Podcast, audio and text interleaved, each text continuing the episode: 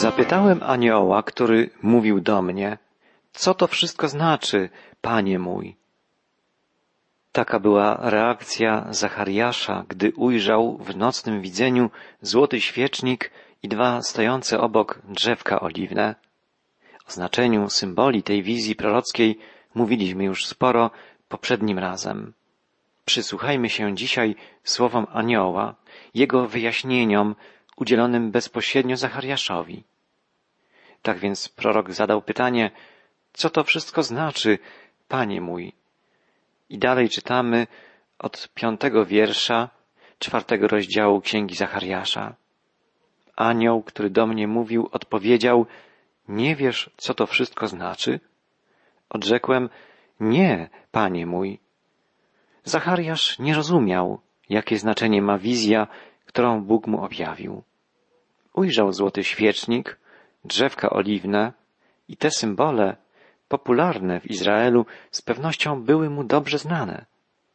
Siedmioramienny złoty świecznik był jednym z najważniejszych przedmiotów znajdujących się w świątyni w Jerozolimie. Był już wtedy, w dniach Zachariasza, symbolem tożsamości narodu izraelskiego. Również drzewo oliwne powinno być znane Zachariaszowi jako symbol ludu Bożego, występujący w poselstwie wcześniejszych proroków. Nie dziwi nas więc to, że anioł pański zadał Zachariaszowi pytanie, nie wiesz, co to wszystko znaczy?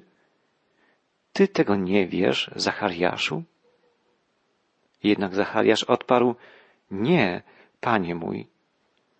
Prorok zapewne nie rozumiał kontekstu owej wizji.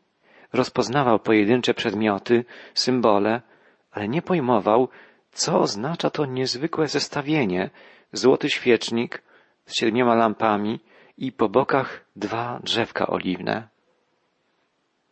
Musimy tu przypomnieć, że w tamtym czasie dopiero rozpoczęto odbudowę świątyni w Jerozolimie.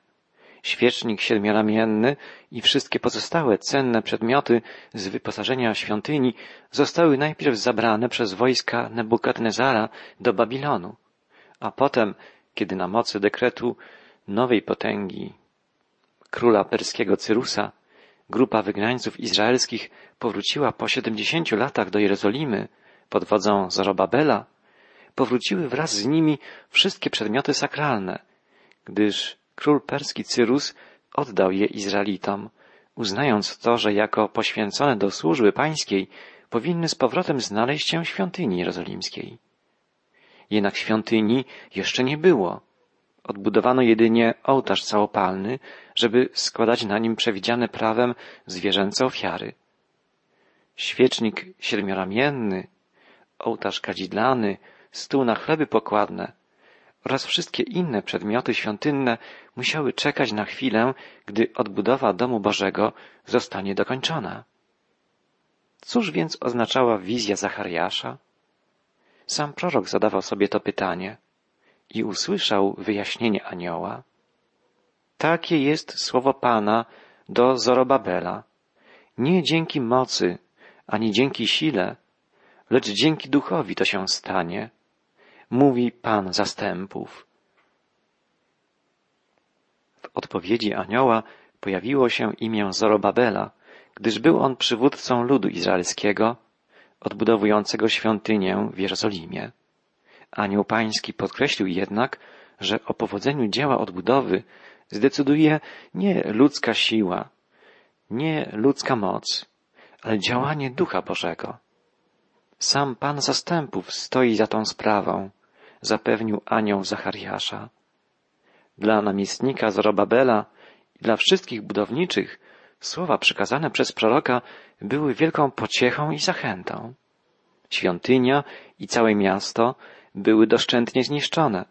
Przed Izraelitami stało ogromne zadanie odbudowy wszystkiego z ruin, a dokoła pełno było wrogów, usiłujących za wszelką cenę powstrzymać budowniczych. Zapewnienie Pana, że to On sam stoi za całą sprawą, miało ogromne znaczenie dla garstki ludzi podejmujących się trudnego dzieła. Możemy sobie wyobrazić, jak wspaniale było usłyszeć słowa Pana zastępów. Nie dzięki waszej mocy ani sile, lecz dzięki mojemu duchowi to się stanie. W te słowa także my powinniśmy się wsłuchać bardzo uważnie, bo i nam niosą one wielką zachętę. Słowo moc kojarzy nam się z potęgą umysłu, a siła z krzepą fizyczną, z naturalnymi zdolnościami do niesienia określonych ciężarów. Kojarzymy pojęcie siłacz z umięśnionym, wysportowanym atletą. Mówimy też o mocy intelektu, albo że ktoś jest mocny w gębie, to znaczy elokwentny, wygadany, że ma duży potencjał intelektualny. Ale w pracy dla Boga, w służbie dla Jego Królestwa, nie jest najważniejsza elokwencja, inteligencja ani własna siła. Liczy się inna siła, inna moc, moc Ducha Świętego. To nie my sami z siebie jesteśmy w stanie uczynić dla Boga coś wartościowego, coś wielkiego. To Bóg, działając poprzez nas, pragnie dokonać wielkich dzieł. Aby tak się działo, musimy pozwolić, by w coraz większym stopniu przemieniał nas i prowadził Duch Boży, Duch Święty. Największą przeszkodą w tym procesie jest nasza skłonność do liczenia na własne siły, nasz egocentryzm i po prostu nasz grzech. Czasami ludzie wierzący są zaskoczeni odkryciem, że wciąż są grzesznikami, wciąż podlegają pokusom, a nawet ulegają im. W rzeczywistości nie powinno to być niespodzianką, bo przecież stara natura ciągle w nas tkwi. Dopóki człowiek nie przyjdzie do Chrystusa, działa w nim tylko jedna siła stara cielesna natura. Ale kiedy przyjmujemy Chrystusa, Duch Święty zamieszkuje w nas i odtąd działają w naszym życiu dwie siły, dwie natury.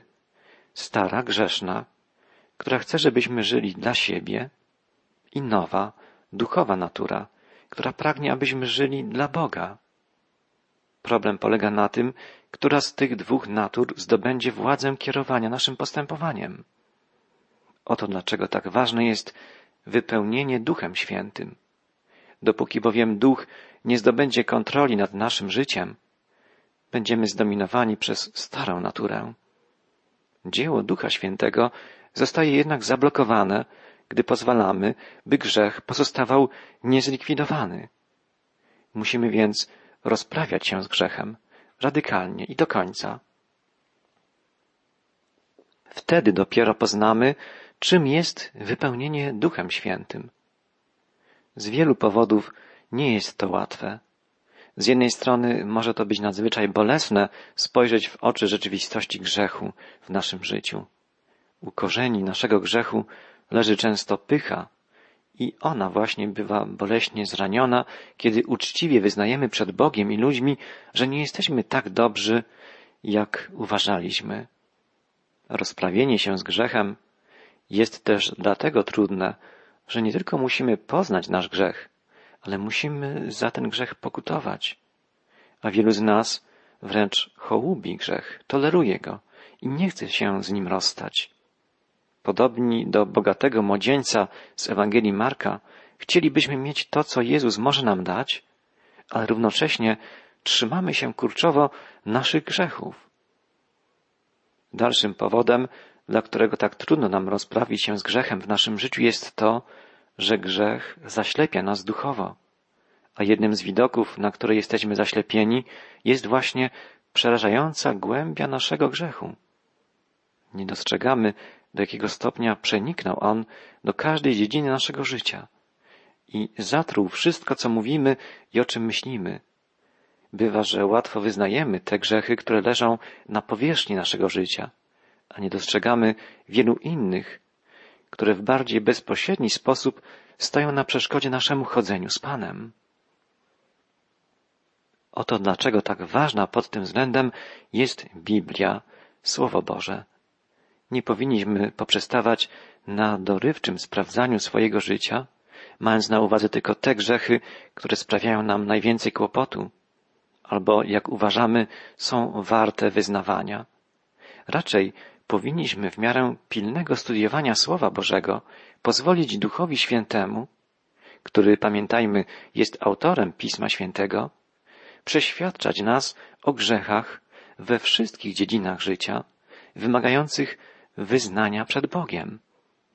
Powinniśmy wyznawać nie tylko to, co my uznajemy za grzech, ale przede wszystkim to, co Duch Święty wskazuje nam i nazywa grzechem, kiedy pilnie wsłuchujemy się w głos Boga, w słowa, które zapisane są na kartach Pisma Świętego.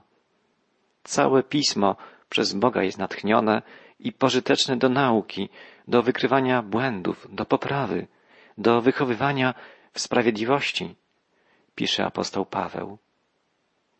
W sprawie wyznawania naszych grzechów jest jeszcze jedno, co musimy koniecznie uczynić. Nie tylko musimy być szczerzy w sprawie różnych poszczególnych grzechów, ale też musimy dojść do najgłębszej ze wszystkich myśli, dojść do poznania faktu, że jesteśmy na wskroś grzesznikami i pozwolić, by Chrystus przemieniał naszą naturę. Kto rządzi moim życiem? Ja czy Chrystus?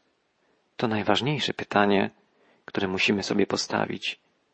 Grzech będzie stałym problemem, a życie będzie znaczone porażkami i rozczarowaniami, dopóki utrzymujemy swoje ja w ośrodku kierowniczym naszego życia.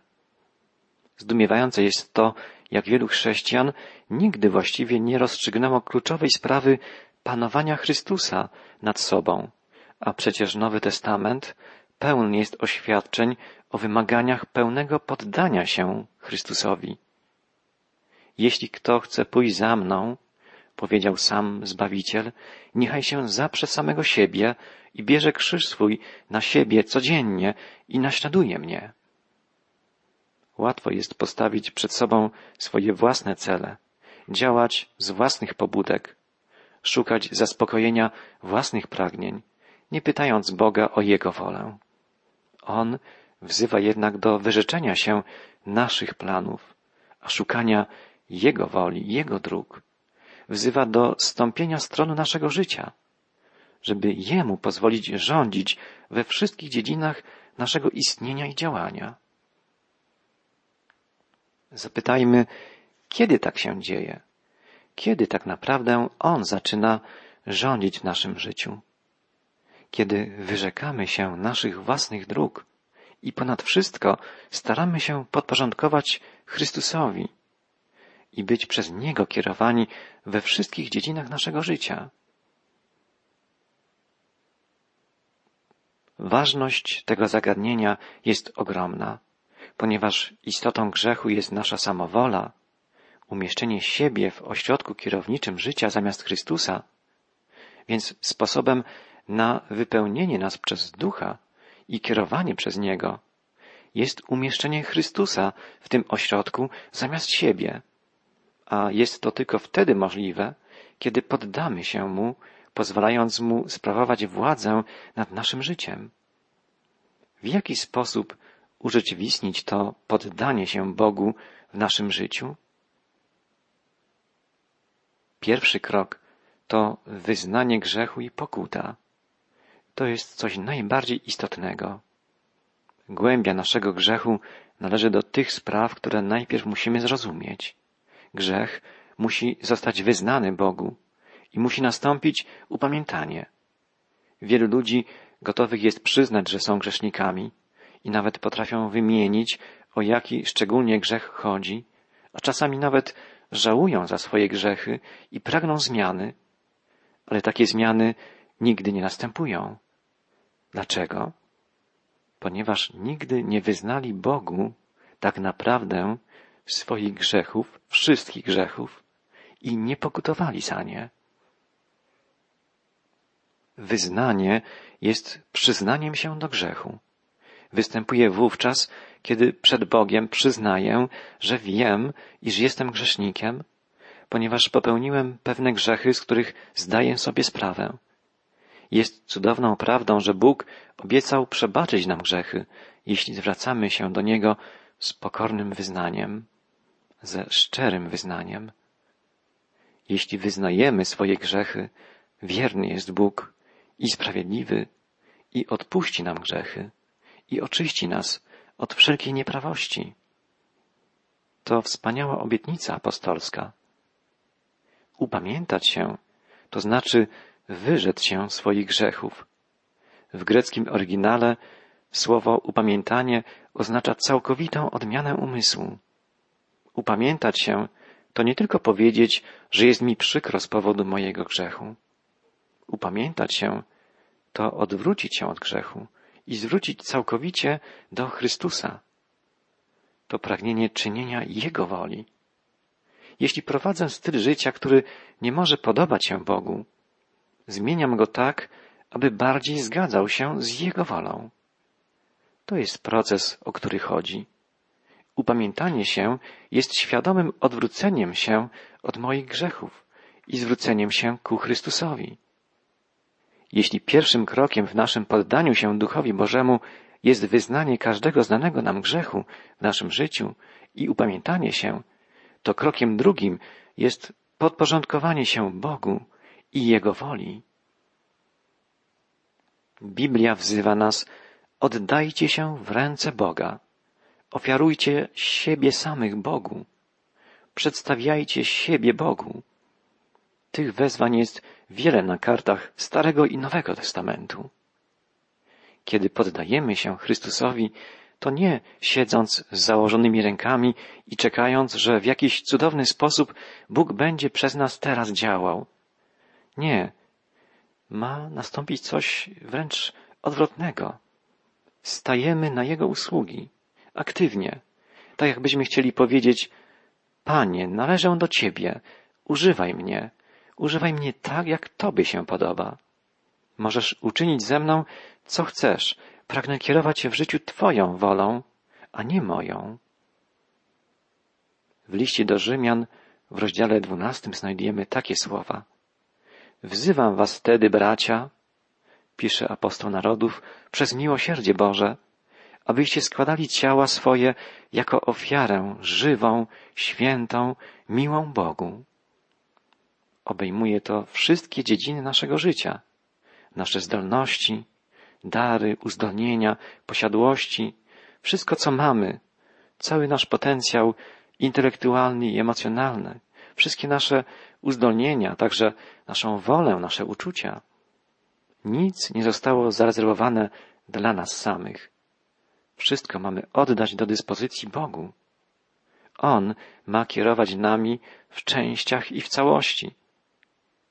Ten wiersz z listu do Rzymian nawiązuje do ofiar Starego Testamentu, które ofiarnik oddawał całkowicie Bogu.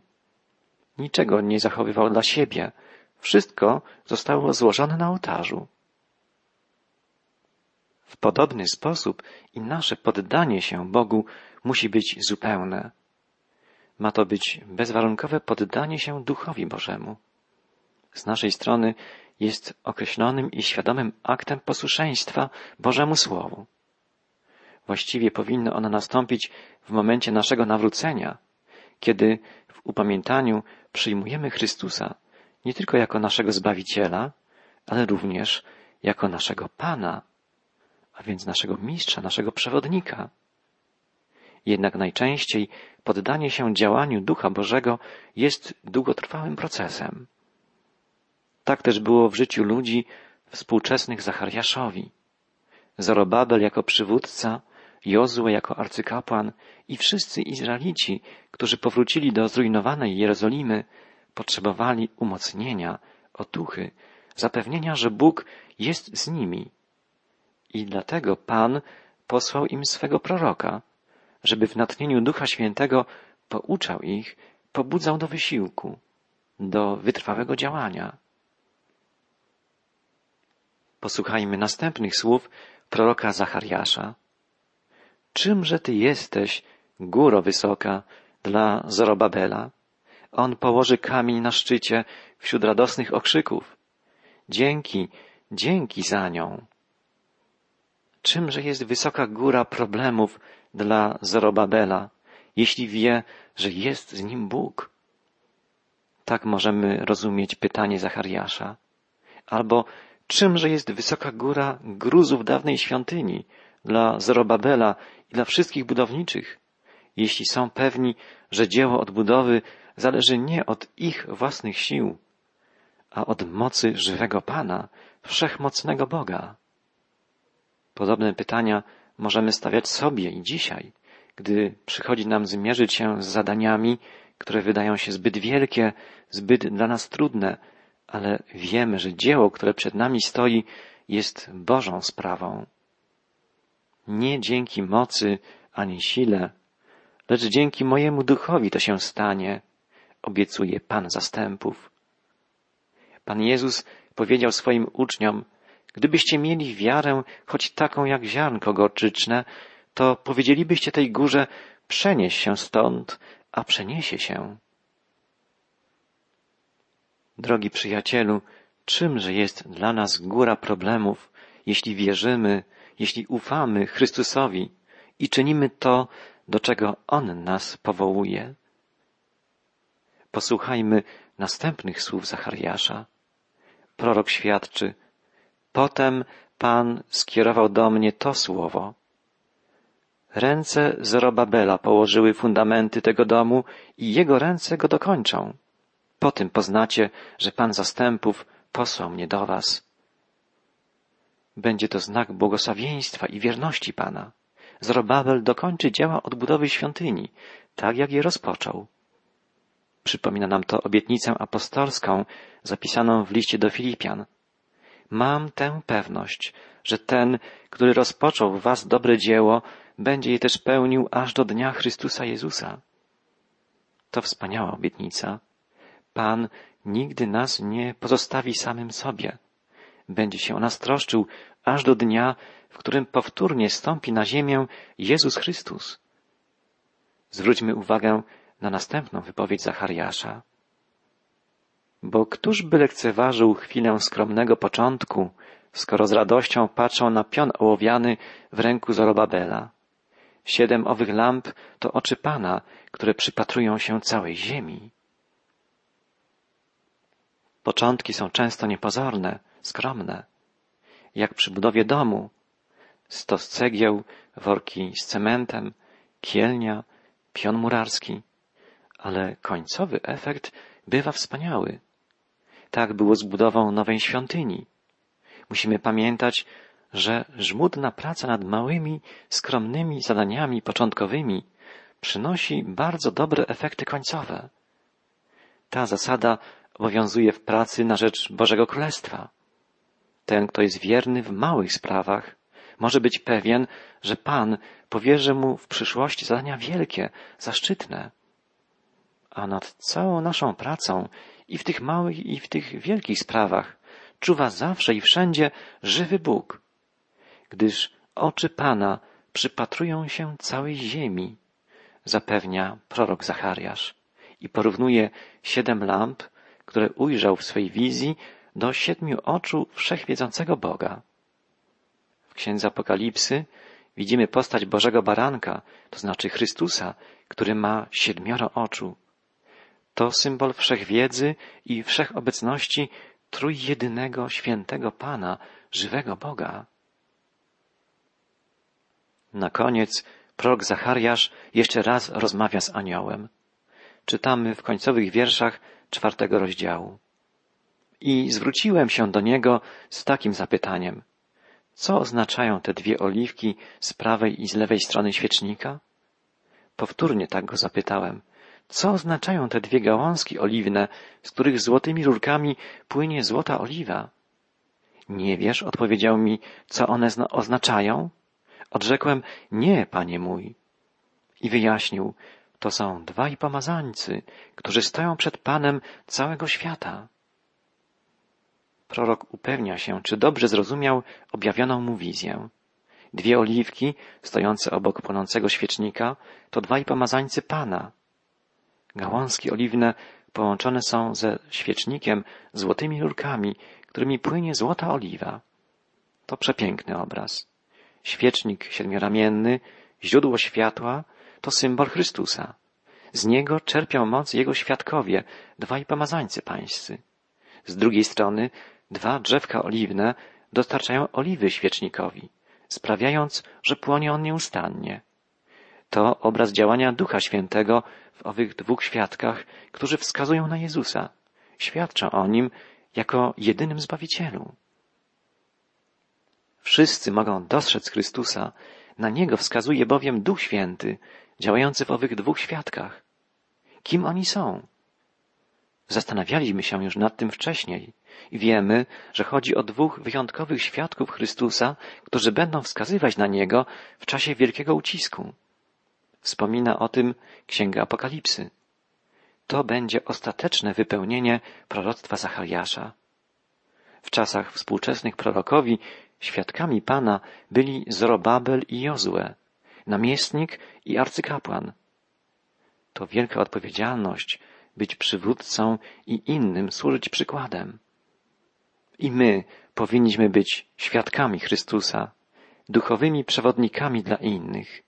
Stanie się tak, gdy zamiast liczyć na własne siły, pozwolimy działać poprzez nas Duchowi Świętemu.